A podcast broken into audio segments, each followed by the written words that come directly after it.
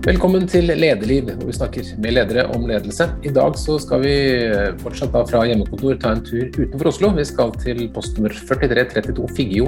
Der er Anne Kristine Rugland som er leder for Figgjo porselen. Velkommen, Anne Kristine. Tusen takk. Det er gøy å ha en bedrift som har eget postnummer, da? Eller motsatt? ja, det, vi er vel ikke bare vår bedrift som har det postnummeret, men eh, det er et lite sted, ja. Det er ikke mange eh, som har det postnummeret. Fortell litt om Figgjo-stedet. Figgjo er et lite bygd uh, ut forbi Sandnes i Rogaland. Jeg tror det bor 6000-7000 mennesker her. Um, og uh, det er jo egentlig bare en noe du kjører forbi når du skal til Ålgård eller du skal sørover for oss rogalendinger. Uh, men ja, det er en del bedrifter som har um, hatt lang historie på Figgjo. Og Figgjo porselensfabrikk, eller Figgjo AS, er jo en av de så Tidligere var vi jo kanskje en hjørnesteinsbedrift, men nå er vi ikke så mange folk lenger. Men før i tida så jobbet det med 300-400 mennesker her på fabrikken. Ja, Fortell litt om hvordan dere er nå, hvor store dere er nå.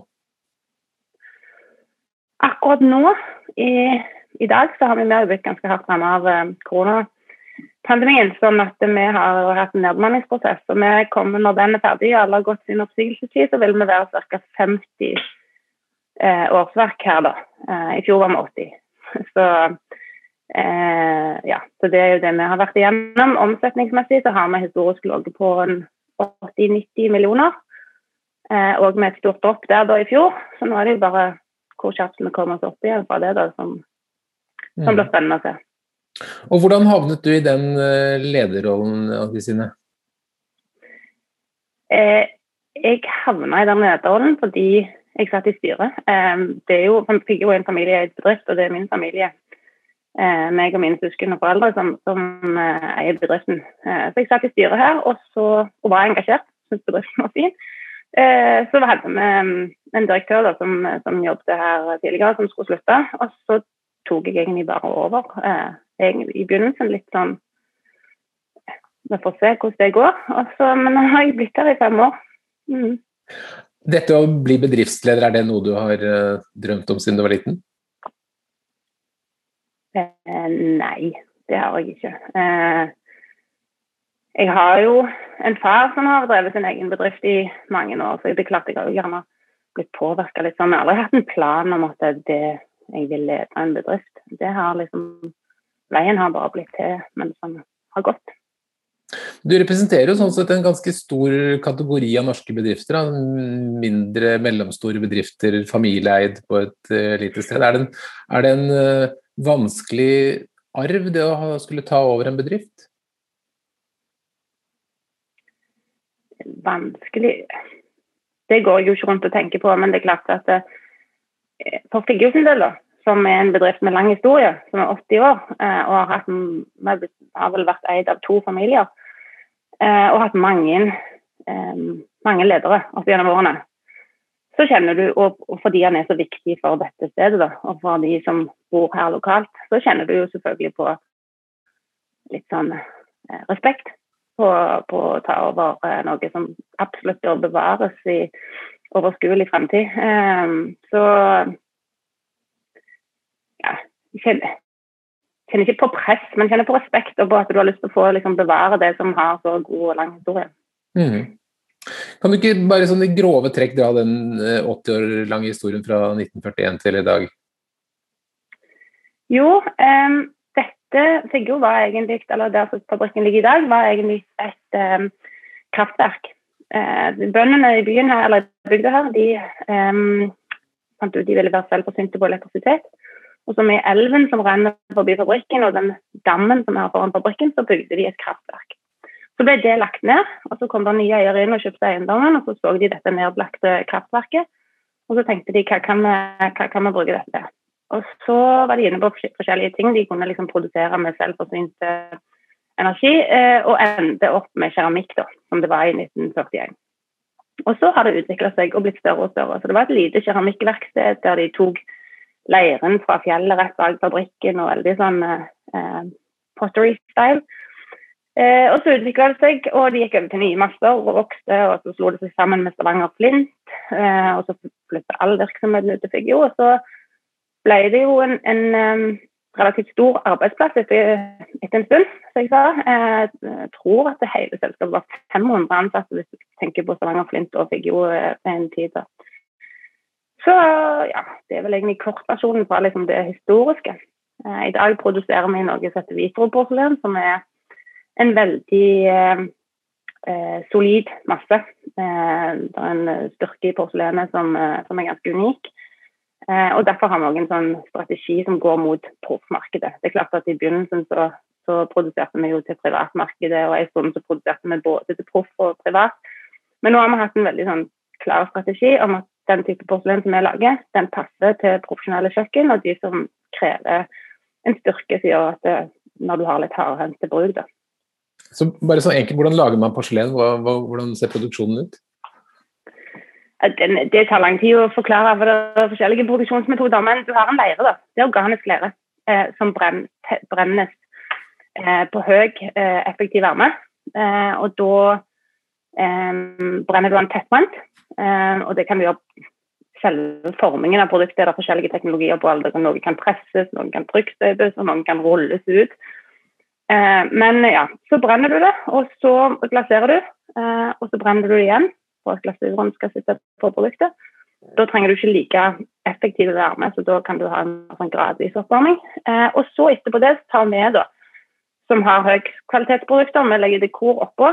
Eh, enten det er maling, spray, bilder, et eller annet sånt, og så brenner vi en gang til.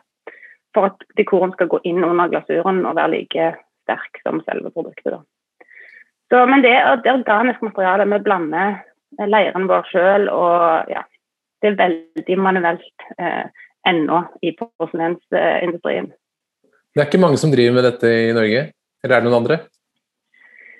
Jeg tror ikke det er noen andre. Eh, vi sier jo at vi er de eneste fullskala porselensprodusenten igjen i hele Norden. Um, det er andre brands, men de fleste har flagga ut og har produksjonen sin utenfor um, opphavslandet.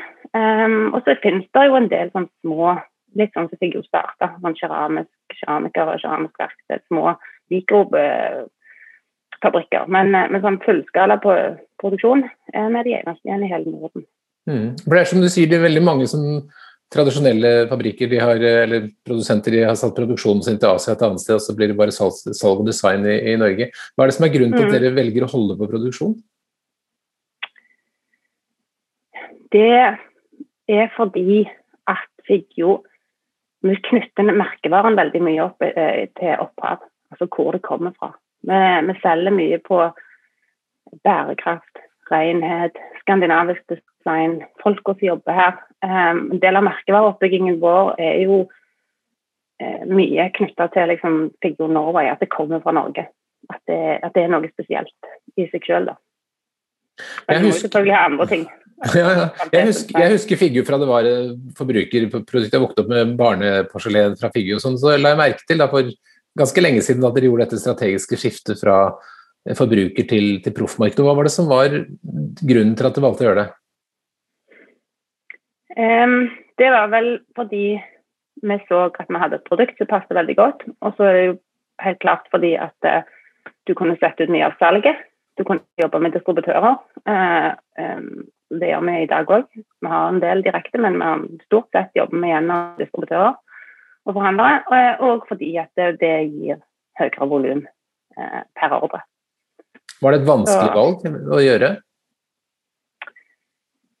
Det, vet ikke, det aner jeg faktisk ikke. Det tror jeg ikke. Det var jo ikke jeg som tok det valget. Jeg var jo ikke her da. Eh, det var jo det var når vi tok over bedriften. Så strengt tatt så var det vel kanskje min far eller den direktøren som kom etterpå, som gjorde det valget. Men eh, Eh, jeg vet ikke. Det må ha vært et godt valg. Det er jo sikkert alltid tøft å gjøre en endring. Dere lever jo fortsatt. Og endring er jo alltid litt vågalt. Ja, mm. klart. Og hvor finner man figurporselen uh, i dag? I 30 forskjellige land rundt i verden. Eh, helt klart Norge er med markedsledere, så her finner du det mange plasser. Hvis du går ut og spiser og snur tallerkenen, så ser du mye figgjo, enten det er på restaurant eller hotell eller i kantiner. Eh, vi har jo ja, selvfølgelig hele Norden, eh, forhandlere der. Vi har utover i Sentral-Europa, ikke så mye i Sør-Europa.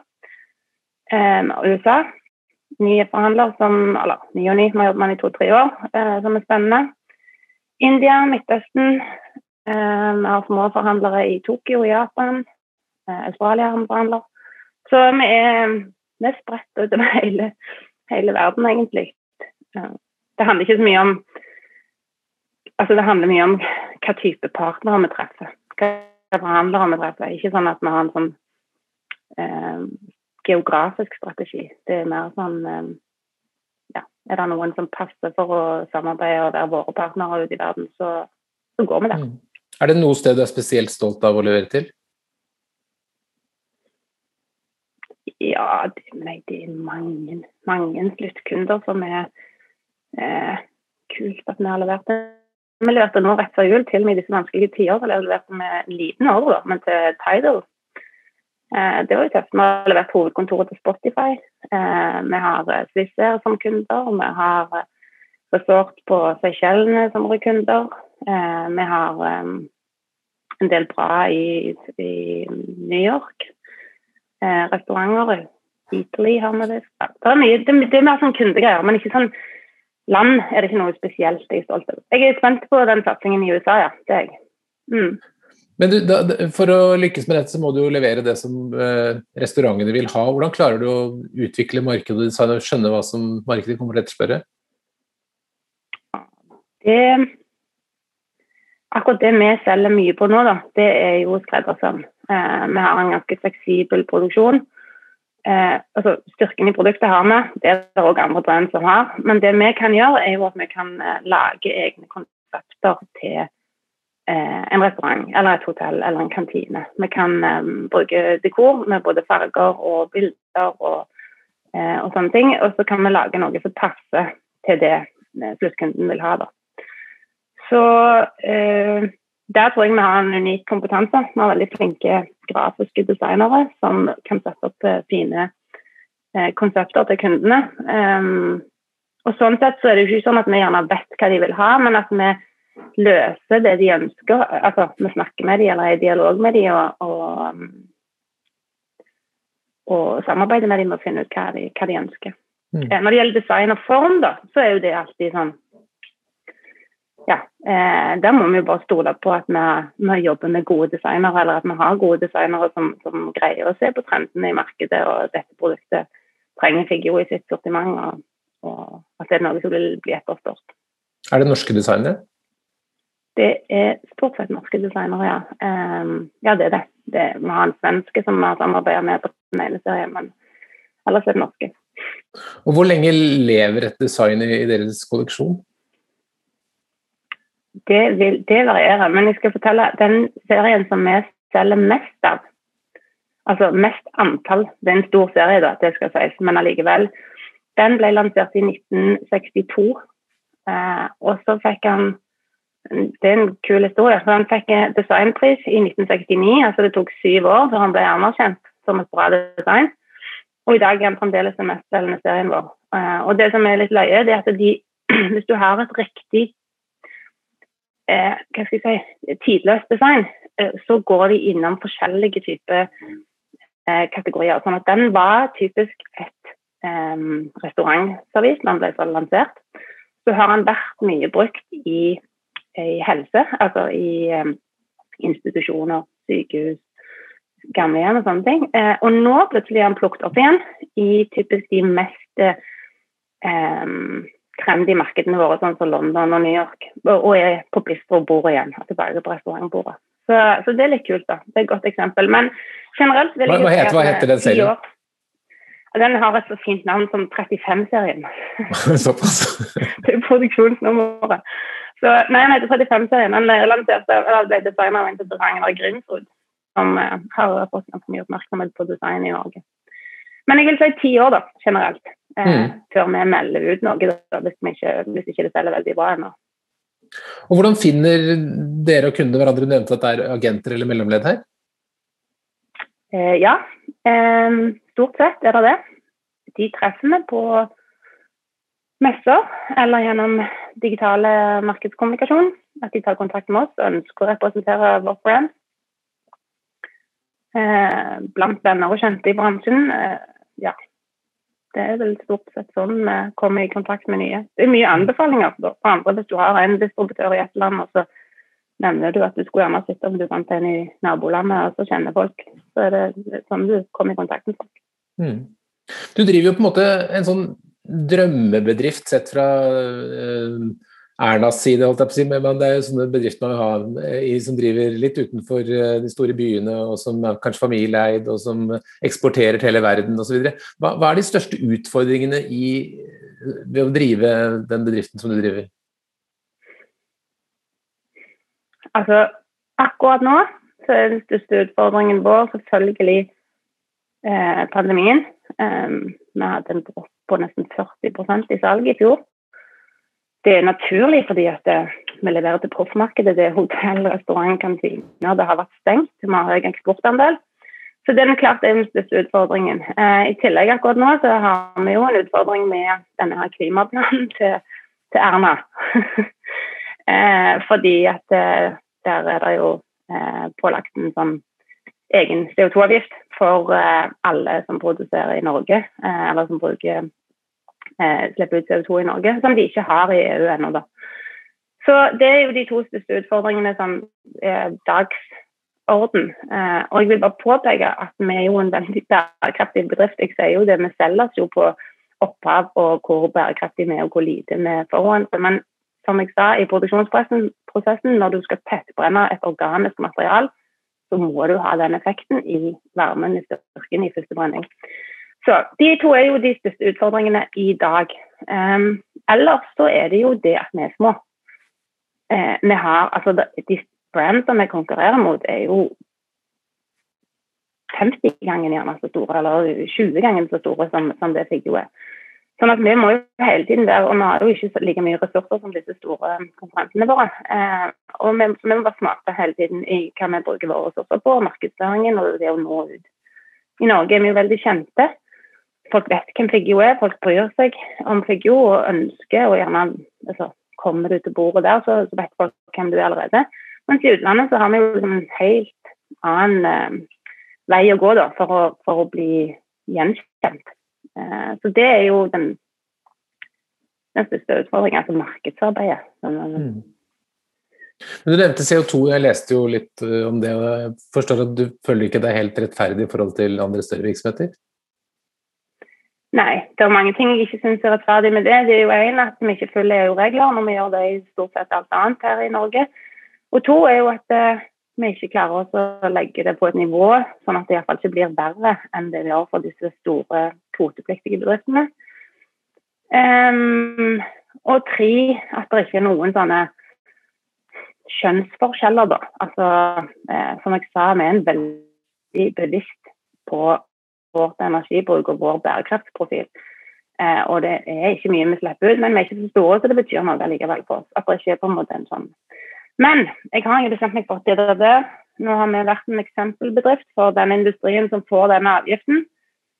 Eh, det er mange som er mye større enn oss, og som får mye mer avgift enn oss. og Det, er liksom, det får bli som det blir. Vi får bare stå på, brette opp armene og, og um, ja, selge oss inn på, på andre ting enn pris. Det må vi jo allerede gjøre. For vi er jo eh, kanskje et litt sånn medium premium brand ute i verden. Eh, så så får vi jobbe på å se om vi kan finne andre løsninger for vårt energibruk. Og den dagen det kommer, så legger vi om kjapt, så det vil passe akkurat inn i vår profil og, og bli kvitt denne her med lille naturgassen vi bruker òg. Mm. Men um, pandemien har jo fortalt det rammet hardt. Beskriv hvordan 2020 eh, ble for deg som leder. Det må jo være det tøffeste året eh, siden jeg har vært her, ja. Det må det jo definitivt være. Det var jo eh, Jeg var i USA og Canada i ti dager og kom hjem 11. mars. Og når jeg satt på flyet hjem, så hadde jeg sett på de to siste ukene at ordreinngangen til Figgjo gikk såpass mye ned. Vi er veldig, sånn, vi har veldig lave ordrereserver. Vi får ordrene inn ei uke, så leverer vi enten samme uke eller uka etterpå. Eller hvis det er noe spesialproduksjon, så er det gjerne tre-fire uker. Så og det visste vi jo at pandemien var rundt i verden. Eh, og jeg husker jeg meldte ledergruppa og sa at jeg tror vi må se på organiseringen når vi kommer hjem. Og da skjønte jeg at vi måtte permittere. Eh, og så var det på jobb en dag, da, og iverksatte at alle gikk ned til 50 ble 50% permittert. Og når jeg var på vei hjem på jobb, så fikk jeg beskjed av Erna at jeg ikke kunne komme tilbake på jobb, for jeg hadde jo vært ute og reist. Så da var det to uker med å sitte hjemme. Ikke hadde vi noe Teams eller Zoom eller noen ting. Eh, vi satt vel på Messenger, på, på, på nei, Messenger eh, eller FaceTime.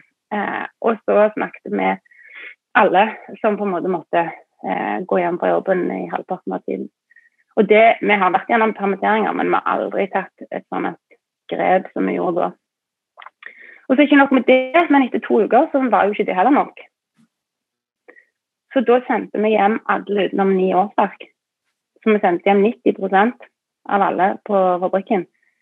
Eh, og så var vi et team da, som vi kalte et kriseteam, som eh, drev hele Figgjo fram til sommeren. Eh, og det klart, det var jo veldig spesielt. Altså, eh, ja, folk som aldri har vært berørt av liksom, en markedssvikt på den måten, måtte, måtte hjem, og over så lang tid. Eh, så, men det tok noen måneder der vi krumte nakken. og vi leverte hver eneste ordre vi fikk, selv om det var ganske bråstopp da, eh, i fjor eh, mot sommeren. Eh, og til sommeren så skjønte vi vel at dette kom ikke til å gå over. Så da var det jo å begynne å lage en plan B. da. Og da begynte vi å legge om hele administrasjonen og hvordan vi jobbet på Satte opp team istedenfor å ha sånn salgsavdeling, markedsavdeling, designavdeling. Så lagde vi alt til ett team. Begynte med digitale løsninger. Nå har vi utvikla et digitalt arbeidsrom der vi kan ha disse kundemøtene der vi skreddersyr gjerne et konsept for kundene. Nå kan vi ha de eh, online. Um, og så um, produksjonen, den har på en måte òg lært litt i denne perioden med at, vi kan, at vi kan kjøre avdelingsvis, at folk kan rotere mer enn de gjorde før. Eh, sånn at eh, det har vært veldig krevende, og det var jo tøffe beslutninger å ta. Eh, men allikevel så har det kommet noe godt ut av det eh, i forhold til fremtid og hvordan vi rigger nå. Men det har jo vært utrolig tøft å si opp over 20 stykker. Altså. Eh, det har hatt noen som har gått naturlig, men vi har jo hatt en de er i oppsigelsestid, de fleste ennå, fordi vi har lang ansiennitet her. Men altså over 20 stykk som må gå fra en bedrift som alle er så glad i her. Det har vært tøft, ja. Hvordan føles det for deg?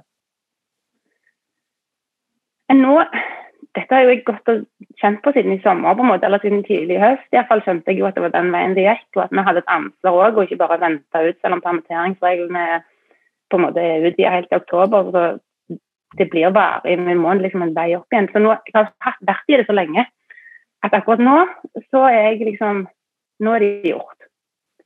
Men jeg kjenner jo altså, daglig på at jeg syns veldig synd på mange av de som har måttet gå. Det er jo eh, mange som har vært her lenge, mange som bryr seg veldig mye eh, om Figgjo. Vi har, og vi har alltid hatt, en veldig sånn, sterk bedriftskultur. Så, så ja. Det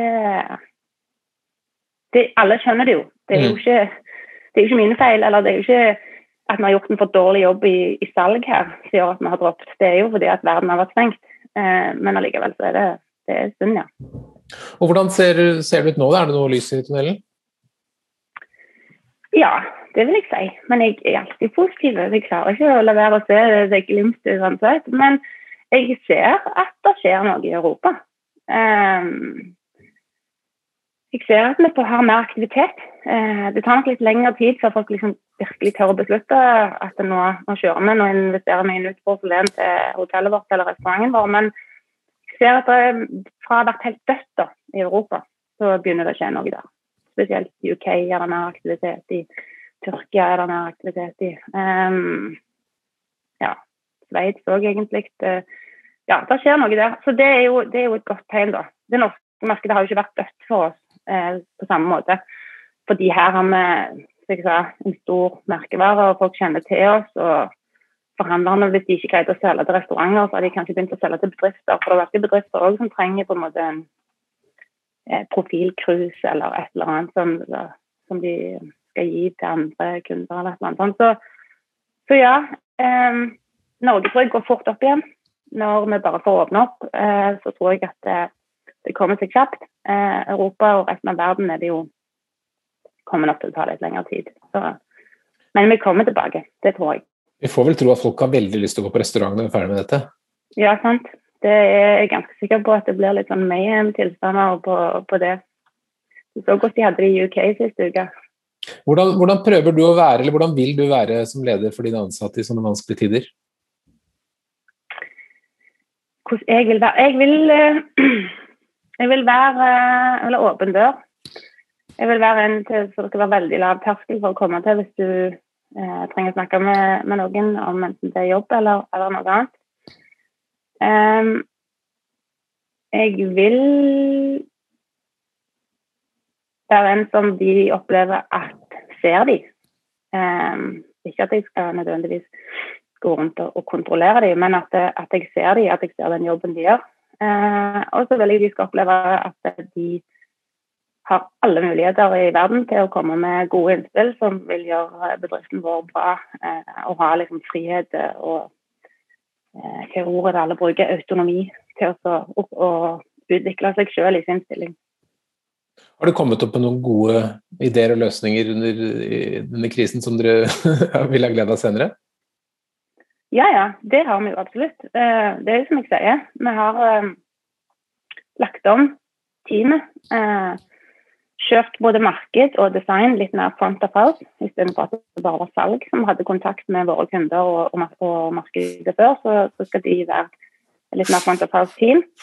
Og ikke minst dette med de digitale løsninger og det rommet som vi har lagd. og Videoproduksjon har vi hatt. altså Vi pleier å ha mye besøk på fabrikken der folk liksom forstår hvordan vi produserer og hva liksom krefter og hvor mye manuelt det er. og sånne ting. Dette har vi eh, lagt en video av istedenfor. Eh, så de, de, ligger jo der. De løsningene og de verktøyene de vil vi jo bare fortsette å, å bruke når pandemien er over. Hva, hva, føler du rundt de støtteordningene som regjeringen har gitt under pandemien? Jeg syns at de har vært veldig bra for Figgjo. Viktigste de gjorde, var jo det med det permitteringsregelverket. Det, det, var jo eh, ja, gull verdt. Eh, og gjorde jo sikkert òg at vi tørde og klarte å omstille oss kjapt. Eh, I tillegg så har jo kompensasjonsordningen òg for oss som har hatt så høyt sånn omsetningssvikt, eller så høy, høyt stort fall, så har jo den, den truffet inn hver måned gjennom hele året. Og nå på denne siden av nyttår. Så jeg syns de har For Figgjo som bedrift så har det truffet veldig bra. Mm. Har du lært noe nytt om ledelse i det siste året? Ja, kanskje. Jeg tror jeg var ganske bra på det før òg, men eh, det med kommunikasjon, informasjon, um, være åpen og ærlig om hva steg du er i prosessen hele tiden.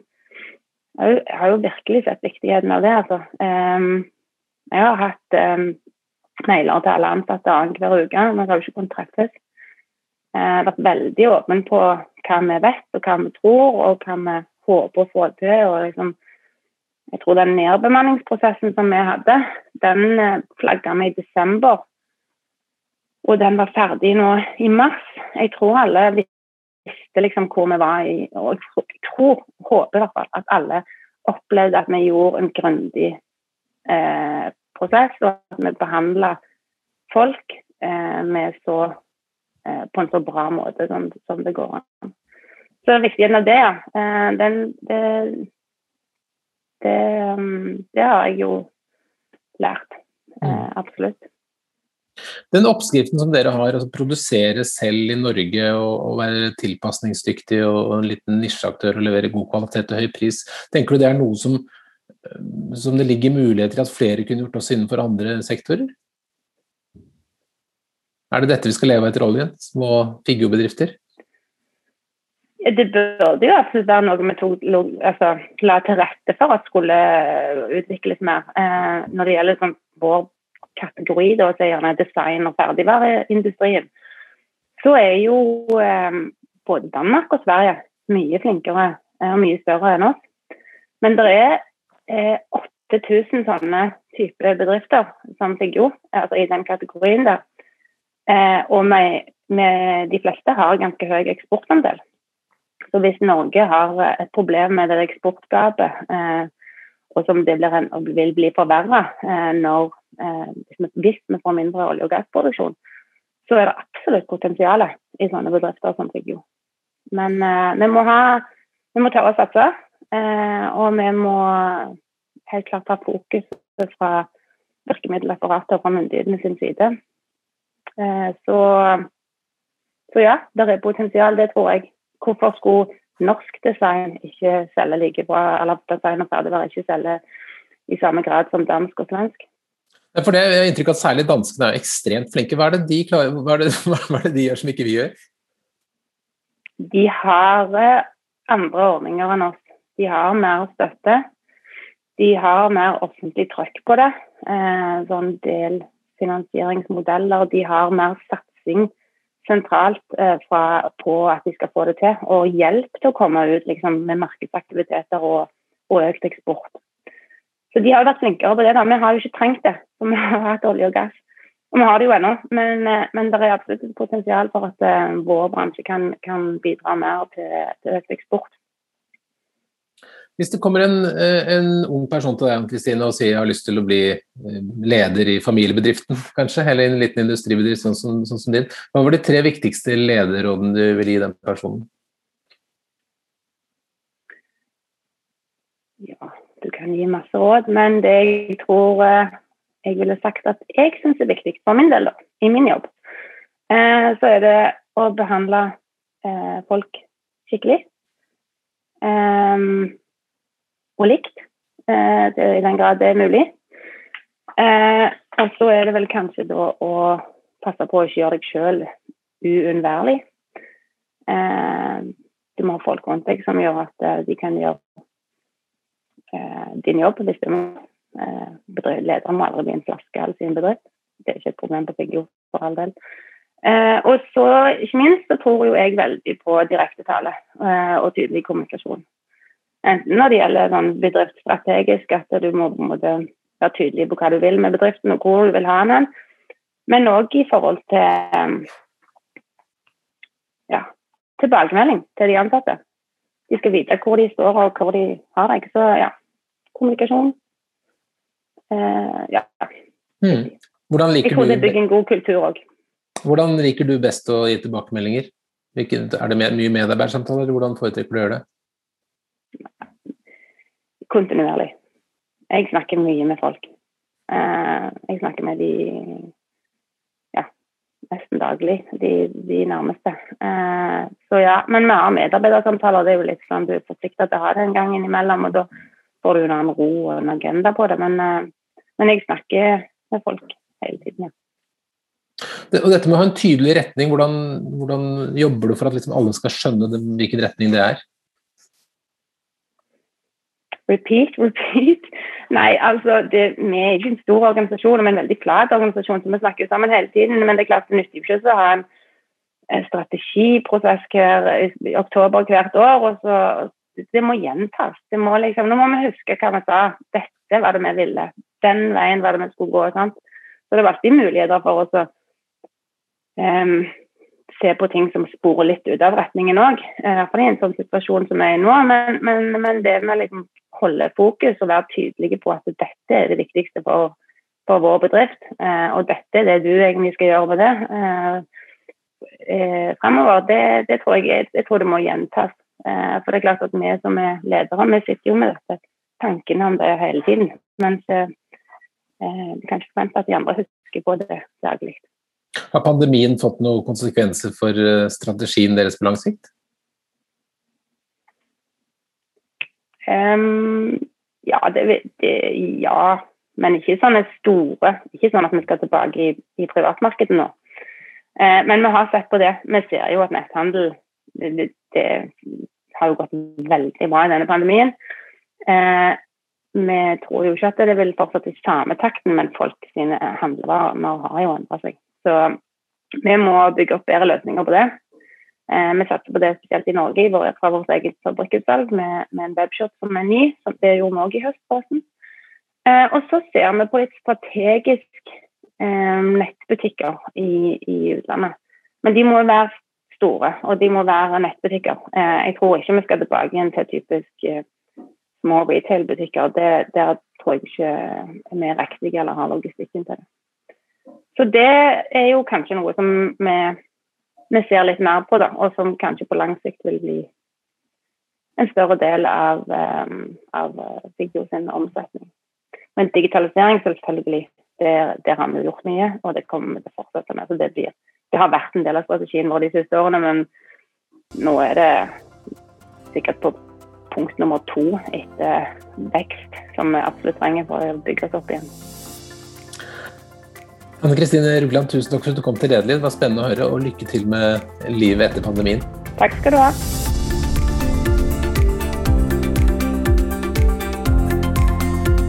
Ledelig er en podkast fra Apeland. Redaksjonen består av Ellen Paulsen, Lars Jarle Melum, Lars Volden og meg, som heter Ole Kristian Apeland. Hvis du vil høre mer, så trykk abonner. Da får du varsel når det kommer nye episoder. Og hvis du har noen tips, så send en e-post til tips at eller til meg, ole at apeland.no.